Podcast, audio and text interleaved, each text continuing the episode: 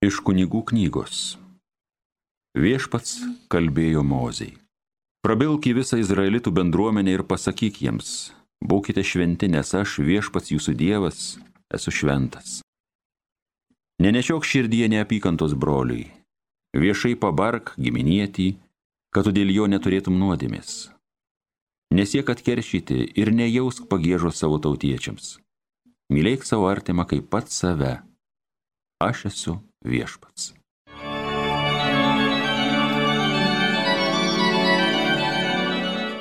Viešpats švelnus, maloningas, tegu mano siela viešpat išlovina ir visa, kas yra manyje, te pagarbina jo šventą į vardą. Lai mano siela viešpat išlovina, lai neužmiršta, kiek jis man gero padarė. Viešpats švelnus, maloningas, jis man visas kaltes dovanoja gyda visamas mano silpnybės, nuo pražūties gelbi mano gyvybę, gaili manęs ir puošia mane savo malonę. Viešpats švelnus maloningas, viešpats švelnus maloningas, neskuba rūstaut, yra pilnas gerumo. Ne pagal mūsų kaltybės mums moka, nebaudžia mūsų, kiek esam verti. Viešpats švelnus maloningas, Kaip nuo rytų tolimi vakarai, taip toli kaltes mūsų nusviedžia. Kaip tėvas gailisi vaiko, taip gailisi viešpats ištikimųjų. Viešpats švelnus maloningas.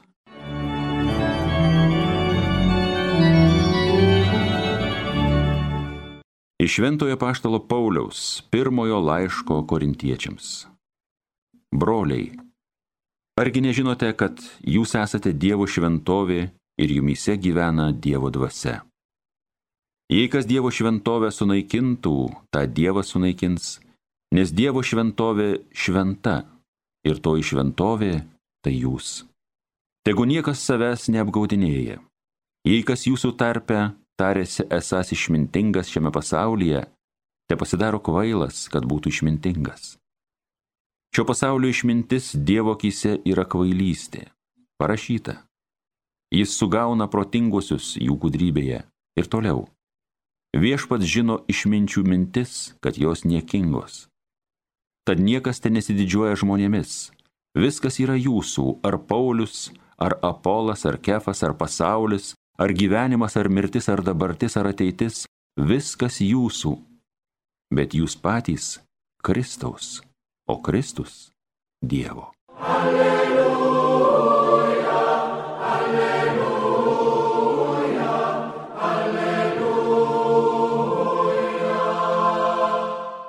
Kas laikosi Kristaus žodžių, tas iš tiesų tobulai myli Dievą. Alleluja, alleluja, alleluja.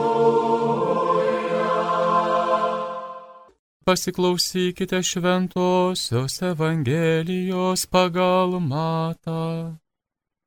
Jėzus kalbėjo savo mokiniams Jūs esate girdėję, jog buvo pasakyta, akis už akį ir dantis už dantį. O aš jums sakau, nesipriešink piktam žmogui, bet jei kas tave užgautų per dešinį skruostą, atsuk jam ir kairįjį. Jei kas nori su tavim bilinėtis ir paimti tavo palaidinę, atiduok jam ir apsiaustą. Jei kas verstų tave nueiti mylę, nueik su juo dvi. Prašančiam duok ir nuo norinčio iš tavęs pasiskolinti nenusigręžk. Jūs esate girdėję, jog buvo pasakyta, mylėk savo artimą ir neapkesk priešo. O aš jums sakau, mylėkite savo priešus ir melskitės už savo persekiotojus, kad būtumėte savo dangiškojo tėvo vaikai. Jis juk leidžia savo sauliai tekėti geriesiems ir blogiesiems, siunčia lietų ant teisiųjų ir neteisiųjų. Jei mylite tik tuos, kurie jūs myli, kągi užtarnaujate. argi taip neselgia ir muitininkai. Ir jeigu sveikinate tik tai savo brolius, kągi ypatingo nuveikėte? Argi to nedaro ir pagonys? Taigi, būkite tokie tobuli, kaip jūsų dangiškasis tėvas yra tobulas. Girdėjote viešpatie žodį.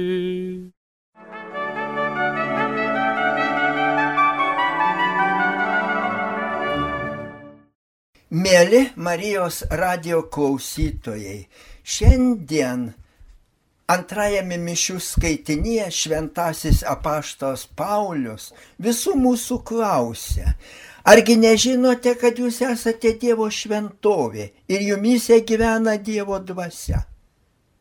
Tikriausiai, mėly Marijos radio klausytojai, esate nustebę dėl šito klausimo. Argi gali būti žmonių, kurie nežino, kad visi esame Dievo šventovė, kad mumise gyvena Dievo dvasia. Žinome, kad per krikštą mes tapome Dievo šventovė. Per krikštą pas mus apsigyveno pats Dievas. Ir mes tą jausmą, tą buvimą su Dievu nuolat stipriname, primdami sakramentus. Bet vis tik, brangieji, žinokite, kad yra žmonių, kurie tikromis šventovėmis laiko tik pastatus, bažnyčias, cerkvės, katedras, bazilikas. Juk ir mes tikintieji nepaprastai žavėmės Švento Petro bazilika Romoje. Tai yra centrinė visų mūsų tikinčiųjų bažnyčia. O kasgi pasaulyje iš kultūringų žmonių nepergyveno, kai Paryžiuje degė Dievo motinos katedra. Taip, bažnyčios, katedros, bazilikos yra mums žmonėms nepaprastai brangios.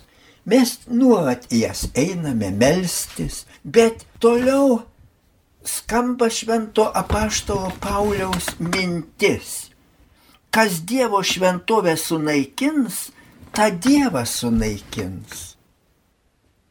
Bet rodos, kad galime tvirtinti, jog mes matome visur. Štai paimkim Rusiją. Sovietų sąjunga, komunistinė sąjunga, nuo Lenino, Stalino laikų, griovė bažnyčias, sprogdino, Šiandien skelbiama, kad iš viso per Sovietų sąjungą yra sunaikinta 30 tūkstančių bažnyčių. Bet žiūrėkit, ar neišsipildė tie švento apaštao Pauliaus žodžiai, kas Dievo šventovę sunaikins, tą Dievą sunaikins. Juk Rusija tokia turtinga, kiek turi visokių iškasenų naftos, dujų, kiek visokiausių turtų ir kokia tapo vargšė. Caro laikais Rusija buvo viena turtingiausių valstybių, bet tapusi komunistinė, sugriovusi šventiklas, tapo pačia vargingiausia šalimi. Koks nepaprastas vargas Rusijoje, Sibirė, tolimuosiuose rytuose. Taigi išsipildė žodžiai, tarsi Dievo sunaikinimas. Bet mes turime kiekvieną savo vidinę šventovę. Mes patys esame Dievo šventovė. Kaip atrodo gali sugriūti šitą šventovę. Nagi tada, brangieji, jeigu žmogus atsisako tikėjimo, jeigu jis atsisako Dievo mokymo, tada jis pasiduoda visokiam negerovėm, tada griūva jo dvasinė šventovė. Štai šiomis dienomis visi daug kalba apie nuostabų kino filmą Poetas. Tai apie poetą Kostą Kubilinską. Jis jaunystėje turėjo labai gyvą tikėjimą, ruošėsi tapti jezuitu, rašė nepaprastai gilius eilėraščius, bendravo su partizanais.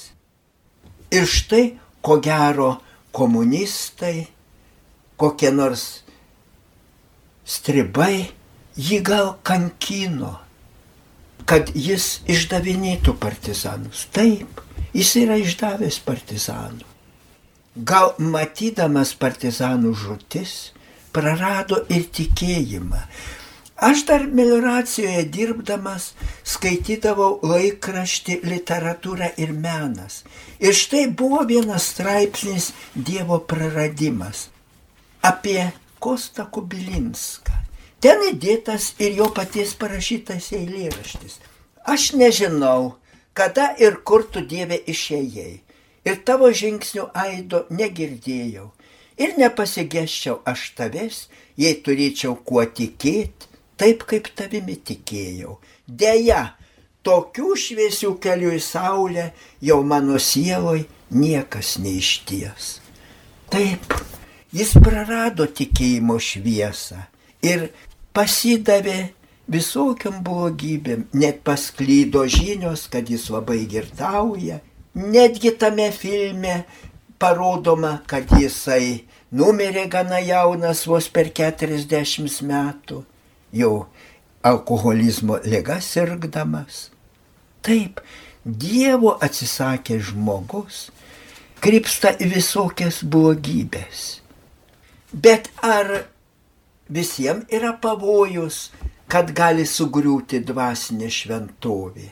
Taipogi jaunimo gretose 1973 metais tiesiog ant žurnalo viršelio buvo išspausdintas poeto Jono Jakšto eilėraštis Sugriuvusi šventovė. Padeklamuosiu, padeklamuosiu dabar tą eilėraštį. Galvok negalvojęs, raudok neraudojas, sugriuva ir pačios kilniausios šventovės. Ir kandžioji lūpas prie jų atsistojęs ir tolsti nenorom nuo savo šventovės. Eini tu iš lėto į nuodėmės pusę. O kaip baisu, sugriovus dvasinę šventovę, eina žmonės į nuodėmės pusę. Brangiai, argi to nematome? atsisako žmonės tikėjimo ir kaip begyvena, kaip griūna šeimos, kaip daugelis gyvena nuodėmėje, nesituokdami, susidėję. O brangieji, rūpinkimės, neleiskime niekam sugriauti dvasinės šventovės, neleiskime, kad jis sugriūtų vaikų, anūkų širdise. Nes kas tą šventovę sunaikins, tą Dievą sunaikins kaip daug dabar žmonių eina į nuodėmės pusę. Ir man dar baisiau, kad mūsų valstybė Lietuva eina pasibaisėtinai į nuodėmės pusę. Štai skaitau laikraštį Lietuvos Aidas ir įdėta daktaro Algymanto Matulevičiaus straipsnis Vertybės, apie vertybės. Jis rašo, kad išvarę Dievą mes per pastaruosius dešimtmečius sparčiai baigiame sugriauti bet kurio žmonių bendruomenės pamatą šeimą. Pastebėkite, koks puolimas jau seniai vyksta prie žmonijos šventąjį kūrinį šeimą. Nors čia pat pastebime paradoksą, kad gan vieninga ir savo tikslų agresyviai siekianti homoseksualų bendruomenė kovoja už vienuolytę šeimą.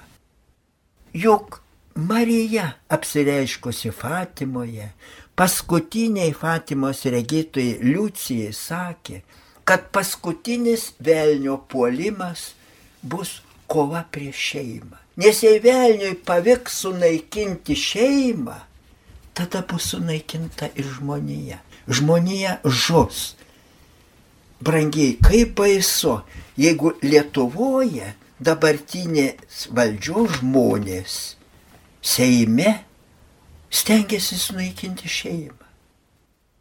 šaukia, kad šeima gali būti vyro su vyru ir panašiai. Kaip mes visi turime melstis, kaip maldauti Dievą, kaip prašyti šeimos žmonių, kai jie rinkimuose agituoja, turime jų tiesiog paklausti, turime jiems pasakyti, kad jeigu jūs rūpinatės tokiais nuodėmingais dalykais, mes už jūs nebalsuosime. Privalo jie išgirsti savo tautos žmonių balsą. Mes turime visi energingai to reikalauti iš savo valdančių. Jie neturi be mūsų išrinkimo jokios valdžios.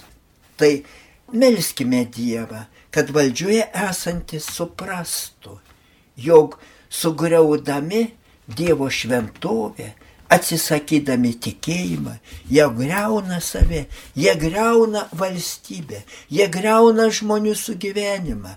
Ir ar neatsitiks taip, kaip su ta nelaiminga Rusija, kuri naikindama šventiklas, galų gale priejo prie to, kad masiškai naikino ir savo rusų tautos žmonės, ir kitų tautų, o dabar kaip beprotiškai naikina Ukrainoje.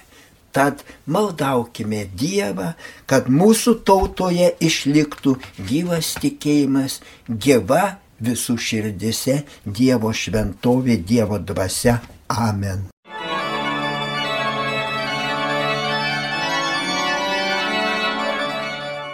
Evangeliją gėdojo kunigas daktaras Vilius Sikorskas. Homilyje sakė panevižio vyskupas emeritas Jonas Kauneckas.